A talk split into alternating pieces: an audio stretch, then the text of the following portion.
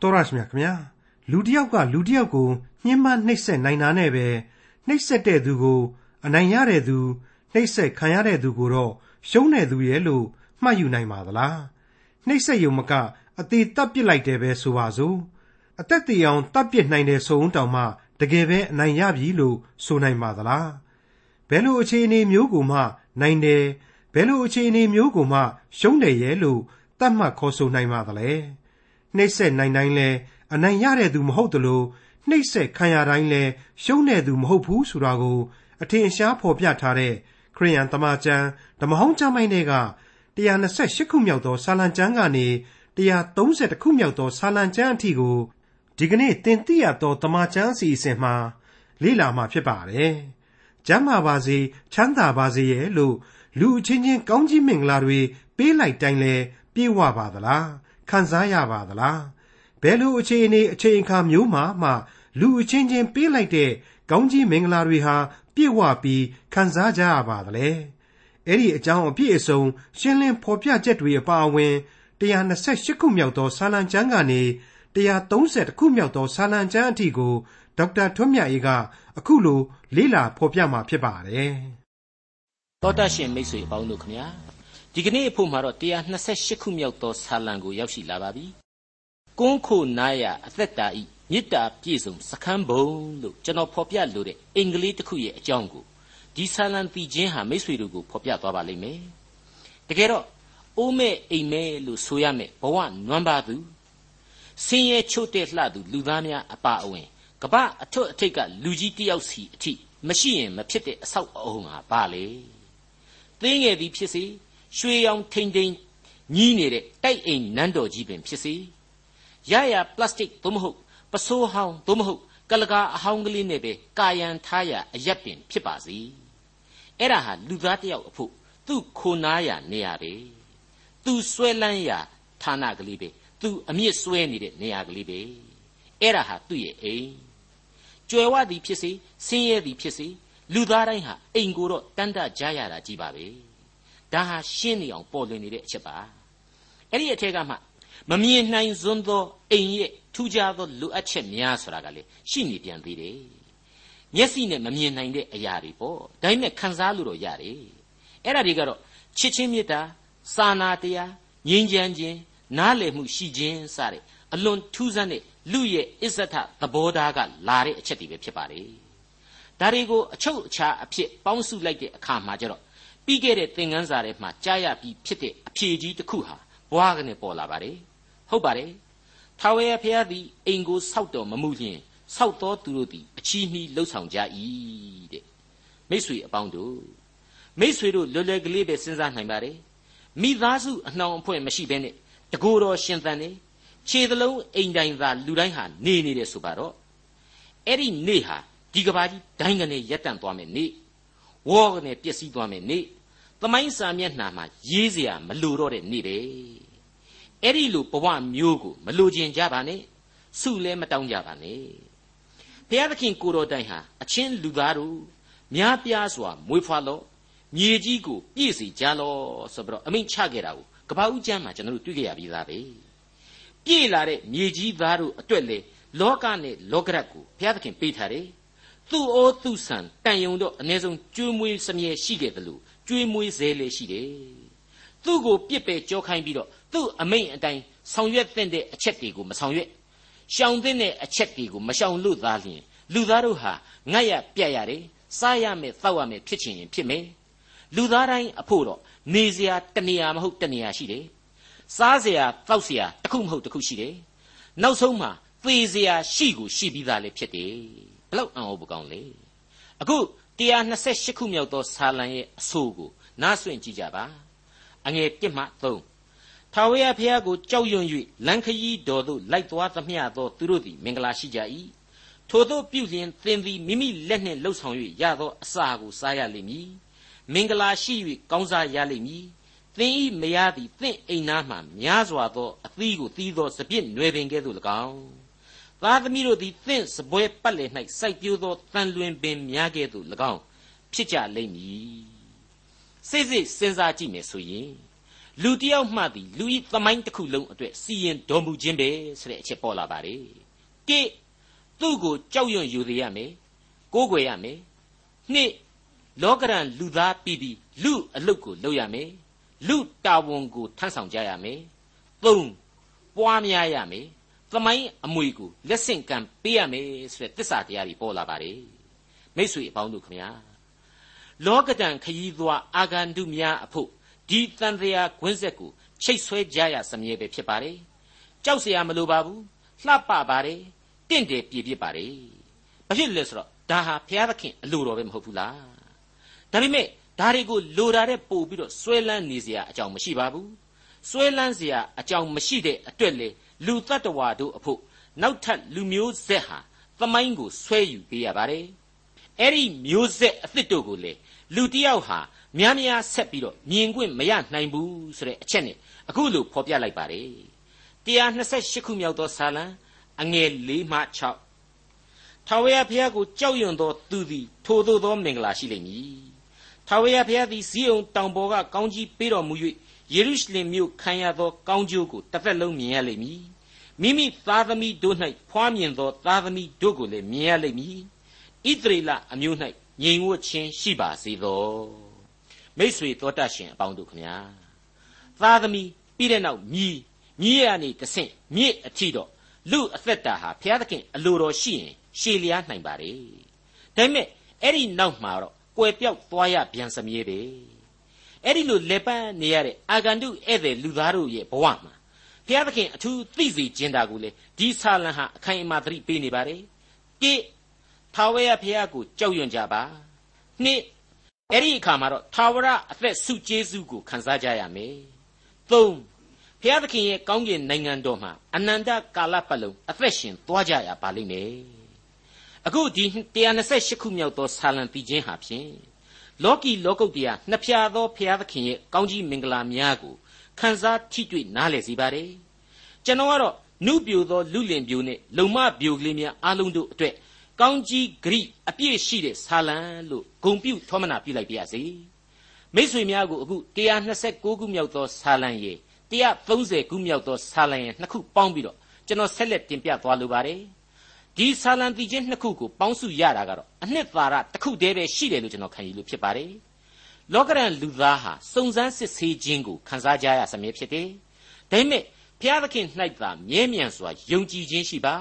ပျက်စီးခြင်းသို့မရောက်ရဆိုတဲ့အချက်ကိုဒီဆာလံတို့ဟာတူပြိုင်ဖော်ပြနေလို့ပဲဖြစ်ပါတယ်အခု129ခုမြောက်သောဆာလံကိုအစအဆုံးဖတ်ရှုကြည့်ကြပါစို့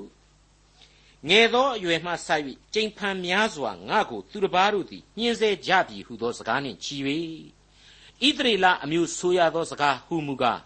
ငယ်သောအရွယ်မှစ၍ကြိမ်ဖန်များစွာငါကိုသူတစ်ပါးတို့သည်ညှင်းဆဲကြပြီသို့တော်လည်းငါကိုမနိုင်ကြထွန်သောသူတို့သည်ငါကြောပေါ်မှထွန်၍ရှည်သောထွန်ချောင်းတို့ကိုဖြစ်စေကြ၏ထာဝရဘုရားသည်ဖြောက်မှတ်တော်မူ၏မတရားသောသူတို့၏ကြိုးတို့ကိုဖြတ်တော်မူပြီး ဇီးအုံမျိုးကိုမုံသောသူအပေါင်းတို့သည်ရှက်ကြောက်၍လှန်ခြင်းကိုခံရကြပါစေအိမ်မိုးပေါ်မှပေါက်၍အဘယ်သူမျှမနှုတ်ဖဲညှိုးနွမ်းတတ်သောမြက်ပင်ကဲ့သို့ဖြစ်ကြပါစေ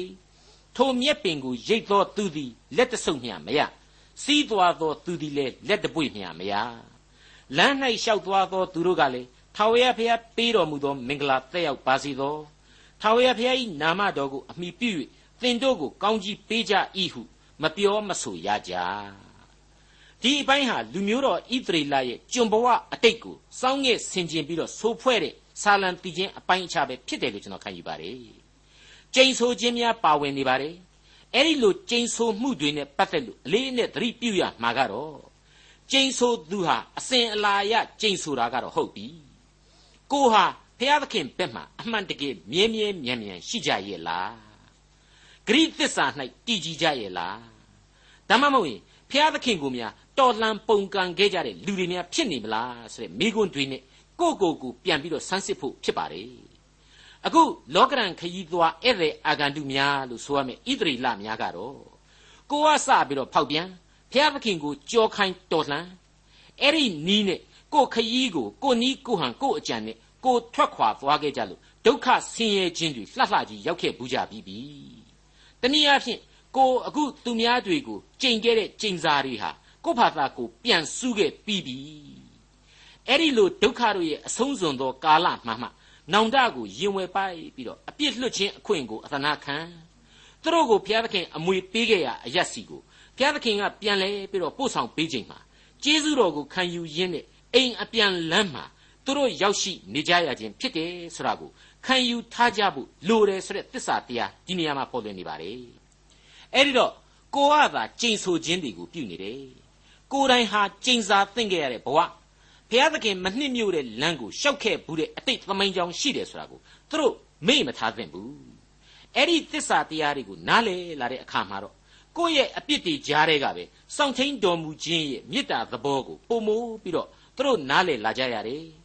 အပြစ်တရားကိုတကြောပြန်ခံစားရဖို့ကြောက်လန့်စိုးရိမ်ခြင်းတွေ ရှိလာကြရတယ်ဆိုတာကိုဒီဆာလံအားဖြင့်ရိပ်စားမိစေပါတယ်အခုဖတ်ခဲ့တဲ့ဆာလံတည်ခြင်းတွေကလမ်း၌ရှောက်သွားသောသူတို့ကလေထာဝရဘုရားပေးတော်မူသော မင်္ဂလာတက်ရောက်ပါစေသောထာဝရဘုရား၏နာမတော်ကိုအမိပြု၍သင်တို့ကိုကောင်းကြီးပေးကြ၏ဟုမပြောမဆိုရဆရာဟာစကားတွေထပ်ပြီးတော့ရှုပ်နေတရားရောင်ထင်ရပါတယ်အမှန်ကတော့ဘသူကမှကောင်းကြီးမပေးတဲ့ဘဝကိုရောက်ကြရလိမ့်မယ်ဆိုတဲ့အချက်ပဲဖြစ်ပါတယ် ငါကိုသူတို့သည်ညှင်းဆဲကြပြီဒါပေမဲ့သူတို့ငါကိုမနိုင်ကြဘူးဆိုတဲ့ဗျာဒိတ်ဟာဣသရေလသမိုင်းမှာအလွန်ထင်ရှားစွာမှန်ကန်ခဲ့ပြီလို့ကျွန်တော်ပိုင်ပိုင်နိုင်နိုင်ကြီးသက်သေပြနိုင်ပါလိမ့်မယ်ဆိုနိုင်ပါလိမ့်မယ်ဒါပေမဲ့သူ့ကိုညှင်းဆဲခဲ့တဲ့လူတွေကိုဘသူကမှကောင်းကြီးမပေးတဲ့ဘဝဆရာဟာပြည့်စုံတဲ့ဗျာဒိတ်လို့ကျွန်တော်မဆိုချင်ပါဘူးဘယ်အချိန်ဘယ်ကာလရဲ့ဘယ်အနာဂတ်မှာပြည့်စုံမှာလဲဆိုတာကိုလေကျွန်တော်ညံမမိပါဘူးဒါပေမဲ့ ကျွန်တော်အချိန်ချင်းရှင်းပြခဲ့တဲ့အချက်ကိုပဲဆက်လက်ဖော်ပြရမယ်ဆိုရင်တော့လူအချင်းချင်းဘလောက်ပဲကောင်းကြီးပေးနေနေဖျားသခင်ကဖြစ်စေတည်းဆိုမှအဲ့ဒီကောင်းကြီးဟာအတီးဖြစ်တာအဲ့ဒီအတိုင်းပဲလူအချင်းချင်းဘလောက်ပဲကြိမ်ဆဲနေနေဖျားသခင်ကကြိမ်ဆဲတဲ့အတိုင်းဖြစ်စေတည်းဆိုမှအဲ့ဒီကြိမ်စာဟာစူးတာအတိတ်ပဲဟာရှိတာဖျားသခင်ကအလိုတော်မရှိပဲဘသူပါဇက်ကဘလောက်ပဲကောင်းကြီးပေးပြီးကြိမ်ဆဲနေနေဖျားသခင်ကအတီမပြုတ်လို့ကတော့ ကောင်းကြီးပေးတဲ့လူကျိန်ဆဲတဲ့လူသာအမောဆို့ပြီးတော့ဖုတ်လိုက်ဖုတ်လိုက်ဖြစ်ုံသာအဖတ်တင်လိမ့်မယ်။ဇရွေးစင်တာသာအဖတ်တင်လိမ့်မယ်။အဲ့ဒါကလွဲပြီးတော့ဘာဆိုဘာမှဖြစ်လာမှာမဟုတ်ကြောင်းသိကြပါလေ။ဒါကြောင့်မလို့အခုဆာလံတီချင်းရဲ့ဗျာဒိတ်တော်တို့ဟာဖျားသခင်နဲ့သက်ဆိုင်တဲ့ဗျာဒိတ်တော်များသာဖြစ်တဲ့အကြောင်းကတ်ကာလကုံဆုံးချိန်တို့ရည်ညွှန်းသောဗျာဒိတ်များသာဖြစ်တဲ့အကြောင်းအတိတ်ပဲဖွင့်ဆိုပါရစေ။အခုချိန်မှာတော့130ခုမြောက်သောဆာလံကိုကျွန်တော်ဆက်လက်တင်ပြသွားပါမယ်။ 130ခုမြောက်သောဆာလံအငယ်1မှ3အိုးထာဝရဖျားနည်းနည်းရတဲ့ကကိုတော်ကိုအကျွန်ုပ်အော်ဟစ်ပါ၏အိုးထာဝရဖျားအကျွန်ုပ်၏စကားသံကိုကြား၍အကျွန်ုပ်ဆူတောင်းပတ္ထနာပြုသံကိုနားညောင်တော်မူပါအိုဖျားရှင်ထာဝရဖျားကိုတော်သည်အပြစ်ဒုစရိုက်များကိုမှတ်တော်မူလျင်အဘယ်သူသည်ခံရနိုင်ပါမည်နည်းနည်းနည်းရအရတဲ့ out of the depths ဆိုပြီးတော့အင်္ဂလိပ်ကသုံးထားပါတယ် တော်ယုံတန်ယုံနဲ့ဘယ်နည်းနဲ့မှနလန်ပြန်မထူနိုင်တဲ့လောကမှောင်မိုက်ခြင်းအကြောင်းကိုထင်ဟပ်ပေါ်လွင်နေစေပါတယ်ဟုတ်ပါတယ်လောကရန်ခရီးသည်တို့ဟာသေမင်းအရေးသွမ်းမိုးရကြိုင်ခြင်းမှာရှောက်သွားရစမြဲပဲဆိုတာကိုကျွန်တော်အကြိမ်ကြိမ်ဖော်ပြခဲ့ပြီးပါပြီတခုပဲအရေးကြီးတာကတော့သေမှာပဲလေသေလဲပြီးတာပဲဆိုတဲ့အတွေ့မျိုးကိုဘုရားသခင်အလိုတော်မရှိဘူးဘုရားသခင်အလိုတော်ရှိတာဟာဘုရားသခင်ကိုယုံကြည်ကိုးကွယ်ဖို့ပဲ ကောင်းမှုမြတ်နိုးကောင်းအောင်ကြိုးဖို့ပဲတရားစီရင်ရာကာလဆိုတာဟာရှိနေပါတယ်ရှိတဲ့အကြောင်းကိုနှုတ်ကပတ်တော်ဟာဖော်ပြနေပါတယ်ဒါပေမဲ့အဲ့ဒီအချိန်ကာလမှာလေအပြည့်အလျောက်သာလူသားဟာဆက်ပေးရကြီးဆိုရင်ဘယ်တော့မှငရဲနဲ့မလွဲနိုင်တဲ့လူသားတွေကြီးပဲဖြစ်တယ်အဲ့ဒီလူသားတွေကိုဘုရားသခင်ဟာကျေးဇူးတော်အဖြစ်ကယ်တင်ခြင်းတရားကိုချထားပေးခဲ့တယ်။ထာဝရအသက်ဆိုတဲ့ဆုကျေးဇူးနဲ့ထုံမှွန်းပေးထားတယ် ကောင်းကင်အမွေဆိုတာကိုအာမခံပေးထားတယ်။ဂယုနာတော်အားဖြင့်လူသားကဘာကိုကျေးဇူးပြုထားတယ်ဆိုတာကိုအလေးနဲ့ခံယူထားကြဖို့လိုပါတယ်။130ခုမြောက်သောဆာလံအငယ်၄မှ၈အဆုံးအထိကိုတော်ကိုကြောက်ရွံ့စရာအကြောင်းရှိစေခြင်းဟာအပြစ်လွတ်ခြင်းအခွင့်ကိုပိုင်တော်မူ၏။ထာဝရဘုရားကိုငါစောင့်လျက်နေ၏။ငါဝိညာဉ်သည်စောင့်လျက်နေ၏။နှုတ်ကပတ်တော်ကိုငါမျှော်လင့်၏။နံနဲ့ကိုမျှော်လင့်သောသူတို့တဲ့မက ငါဝိညာဉ်သည်ဖျားရှင်ကိုမျှော်လင့်လျက်နေ၏ဣသရေလအမျိုးသည်ထာဝရဘုရားကိုမျှော်လင့်ပါစေအကြောင်းမူကားထာဝရဘုရား၌ဂရုဏာရှိ၏များစွာသောရွေးနှုတ်ခြင်းကျေးဇူးရှိ၏ဣသရေလအမျိုးကိုခတ်သိမ်းသောဒုစရိုက်အပြစ်တို့အထက်ကရွေးနှုတ်တော်မူလိမ့်မည်ကျွန်တော်ကတော့ဆာလံဆရာရဲ့အလွန်ပြောင်မြောက်တဲ့အဖွဲအနှွေကြောင့်မှင်သက်တောင်မှမိသွားခြင်းတလို့လို့ခန်းစားလိုက်ရပါတယ်နတ်နဲ့ခင်းကိုမျောလင့်သောသူတို့တက်မက ငါဝိညာဉ်ဟာဖျားရှင်ကိုမျောလင့်နေမိတယ်တဲ့အဲ့ဒါဟာအလွန်အရေးကြီးတဲ့အချက်ပါပဲအဲ့ဒီလိုကျွန်တော်ကဆိုချင်ပါတယ်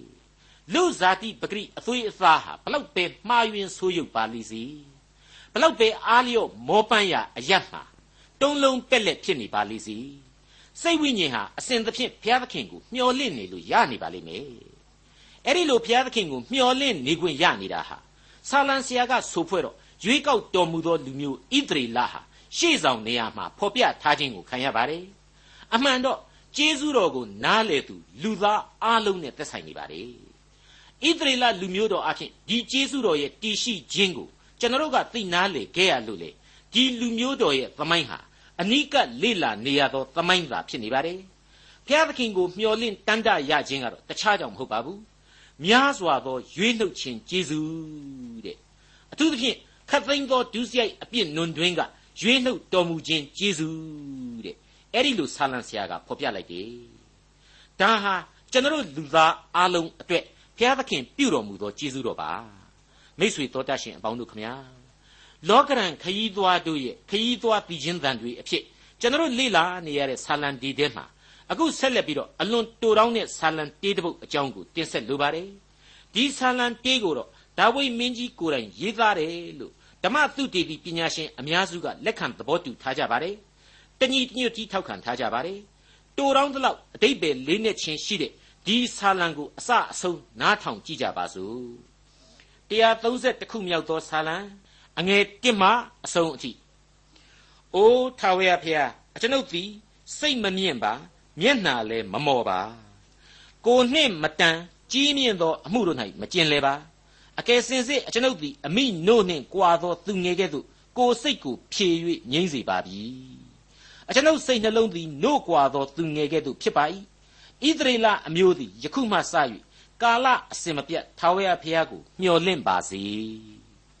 ဒီဆာလံတိချင်းဟာဒါဝိမင်းကြီးရဲ့စိတ်နှိမ်ချခြင်းကိုပြသပေးလိုက်တဲ့အင်မတန်ကောင်းမွန်တဲ့လင်္ကာဆာလံလို့ကျွန်တော်ဆိုချင်ပါတယ် အလွန်ကောင်းမွန်တဲ့အဖွဲအနွယ်နဲ့ရေးဖွဲ့ထားခြင်းလို့ကျွန်တော်ခံယူမိပါတယ်ဓမ္မရာဇဝင်ဒုတိယစာဆောင်အခန်းကြီး6အငယ်7ကနေပြီးတော့23အတွင်းမှာဖတ်ကြည့်မယ်ဆိုရင်ဒါဝိမင်းကြီးကိုသူ့ရဲ့ပထမမိန်းမဖြစ်သူမိခါလာကနေပြီးတော့ရှင်ဘရင်ကြီးတစ်ပါးလုံးလှုပ်နေပြီးတော့အရှက်မရှိဘူးထာဝရဘုရားရဲ့ဗြိညင်တစ်တာတော်ကြီးကိုတည်ယူတဲ့ပွဲသဘင်မှာသူများတွေနဲ့ဝင်ပြီးတော့ရောရောင်ပြီးတော့ကတယ်ခုန်နေဆိုပြီးတော့အပြစ်တင်နေဆိုတာကိုကျွန်တော်တို့တွေ့ရပါတယ်ဒါဝိဒ်ကလည်းအဲ့ဒီအချိန်မှာ ထာဝရဘုရားရှေ့တော်မှာကျေးဇူးတော်ကိုချီးမွမ်းတယ်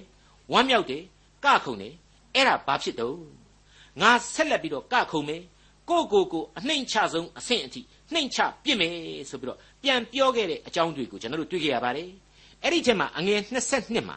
ထိုမျှမကငါသည်သာ၍ယုံပါမည်တဲ့အဲ့ဒါကိုအထင်တချို့ကလွဲကြတယ်အဲ့ဒါဟာဘုရားသခင်ရှေ့တော်မှာငါဟာယုံညံ့တဲ့အပြစ်ရှိတဲ့လူသားသာဖြစ်ကြောင်းကို သိစေမယ်ဆိုပြီးတော့ဆိုလိုခြင်းသာဖြစ်ကြောင်းကိုကျွန်တော်ကြားနာခဲ့ကြပြီးပါပြီမိတ်ဆွေအပေါင်းတို့ခမညာဒါဝိမင်းကြီးဟာသူ့ခေရဲ့ဧကရစ်ဘုရင်ကြီးတစ်ပါးပဲဖြစ်ပါတယ်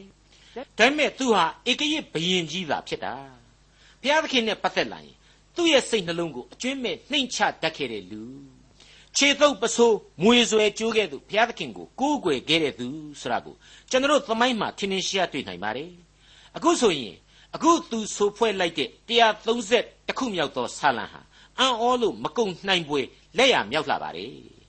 ဘုရားသခင်အဖို့ကျွန်တော်မှတန်ရတန်ရအဆင့်ဘာမှမရှိပါဘူးမြင့်မြတ်တယ်ဆိုတာဟာလေဘာမှမရှိပါဘူးတဲ့အဲ့တော့ကျွန်တော်စောစောကပြောခဲ့တဲ့အတိုင်းသူ့ရဲ့ပထမမိဖုရားကြီးဖြစ်တဲ့မိခါလကိုသူပြောတာဟာရှင်းနေတယ်ဘုရားသခင်ရှေ့တော်မှာငါဟာယုံညံ့တဲ့လူတစ်ယောက်သာဖြစ်တယ် အပြစ်အလွန်ကြီးမားတယ်ဆိုတာကိုသိစေမယ်ဆိုပြီးတော့သူဆိုလိုခဲ့တာဟာဒီဆာလံအားဖြင့်ပို့ပြီးတော့တက်တည်တည်နေပြီပို့ပြီးတော့သူ့ရဲ့စိတ်သဘောထားကိုမြင်ရစေနေပြီ။အိုးထာဝရဖေဟာအကျွန်ုပ်သည်စိတ်မမြင့်ပါမျက်နှာလည်းမမော်ပါကိုနှင့်မတန်ကြီးမြင့်သောအမှု၌မကျင်လေပါအကယ်စင်စစ်အကျွန်ုပ်သည်အမိနို့နှင့်ကြွာသောသူငယ်ကဲ့သို့ကိုယ်စိတ်ကိုဖြေ၍ငြိမ့်စေပါပြီတဲ့စစ်စစ်တွေးတော့ ကိုကိုကိုဖြေသိမ့်နေဒါပေမဲ့ယင်ထဲမှာတော့ကြေကွဲခြင်းနဲ့အတူကျေနပ်ခြင်းလည်းတစ်ဖက်ကရှိနေပြန်တယ်ဆိုတဲ့အဖက်ဖက်ကအတိတ်ပဲအမျိုးမျိုးကိုဆွဲယူလို့ရနိုင်ပါတယ်138ခုမြောက်သောဆာလံကိုရောက်ရင်အငယ်6မှာထာဝရဘုရားသည်မြင့်မြတ်တော်မူသောလေစိတ်နှိမ်ချသောသူတို့ကိုကြည့်ရှုတော်မူ၏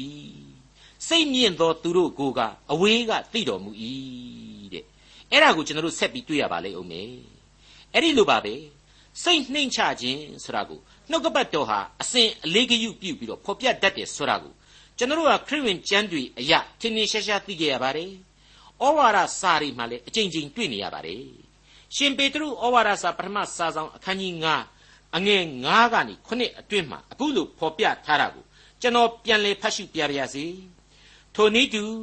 အသက်ပြိုသောသူတို့အသက်ကြီးသောသူတို့၏စကားကိုနားထောင်ကြလော့ထိုမြမကအချင်းချင်းတယောက်အောက်ကိုတယောက်နှိမ့်ချလျက်နေ၍ နှိမ့်ချခြင်းတစားကိုဆင်ကြလော့အကြောင်းမူကားထောင်လွှားစော်ကားသောသူတို့ကိုဖျားသခင်စီတာတော်မူ၏စိတ်နှိမ့်ချသောသူတို့အားကျေးဇူးပြုတော်မူ၏ထိုကြောင့်ကာလအချိန်တန်လျင်ဖျားသခင်သည်သင်တို့ကိုချီးမြှောက်တော်မူမည်အကြောင်းတကိုးကြီးသောလက်တော်အောက်၌ကိုကိုကိုနှိမ့်ချကြလော့သင်တို့ကိုသတိနှင့်ကြည့်ရှုတော်မူသောကြောင့်သင်တို့၌စိုးရိမ်ခြင်းအမှုရှိသမျှတို့ကိုကိုတော်၌အနှံကြလော့တဲ့အဲ့ဒီတော့ စိတ်နှိမ့်ချခြင်းဆိုတာဟာဘုရားသခင်ရဲ့အလိုတော်ကိုဝန်ခံခြင်းနဲ့လည်းဆက်နွယ်နေတယ်ဆိုတာဟာပေါ်လွင်နေတယ်တခါရှင်ယာကုပ်ဩဝါဒစာအခန်းကြီး9အငယ်30မှာလေအဲ့ဒီသဘောတရားအတိုင်းပါပဲဘုရားသခင်ရှေ့တော်၌ကိုကိုကိုနှိမ့်ချကြလော့တို့ပြုလျင်သင်တို့ကိုချီးမြှောက်တော်မူလိမ့်မည်တဲ့ဟုတ်ပါတယ်နို့ဆိုသူငယ်ကလေးတယောက်ကိုအမေနို့ကိုဖျက်ရတဲ့အချိန်အခါမျိုးလိုပဲဒီသူငယ်လေးဟာသူ့စိတ်ကိုသူဖြေးပြီးတော့ငြိမ့်စေရပါတယ်ဆိုတဲ့အကြောင်းကို အခုဒါဝိဒ်ထည့်သွင်းခြင်းဟာသိပ်ပြီးလေးနက်တဲ့တင်းတိမ်ရောင်ရဲခြင်းနှိမ့်ချခြင်းဆိုတဲ့အနှစ်သာရတွေကိုဘောင်းစုံပေါ်လွင်စေတယ်လို့ကျွန်တော်ခံယူပါတယ်မိတ်ဆွေတော်တတ်ရှင်အပေါင်းတို့ခမညာကျေးဇူးတော်ကျေးဇူးတော်ဆိုပြီးတော့နေ့တိုင်းငန့်လင့်မျှော်တတယ်ခံလဲခံစားရတယ်သို့ပေမဲ့တစ်ချိန်တစ်ခါမှတော်သင့်ပြီရဲ့လို့ဘုရားသခင်ဟာကိုယ့်ကိုတမင်ပြစ်ပယ်ထားခြင်းရှိကောင်းရှိနိုင်ပါတယ်သူဟာအကျွင့်မဲ့အာနာရှင်မဟုတ်ဘူးလား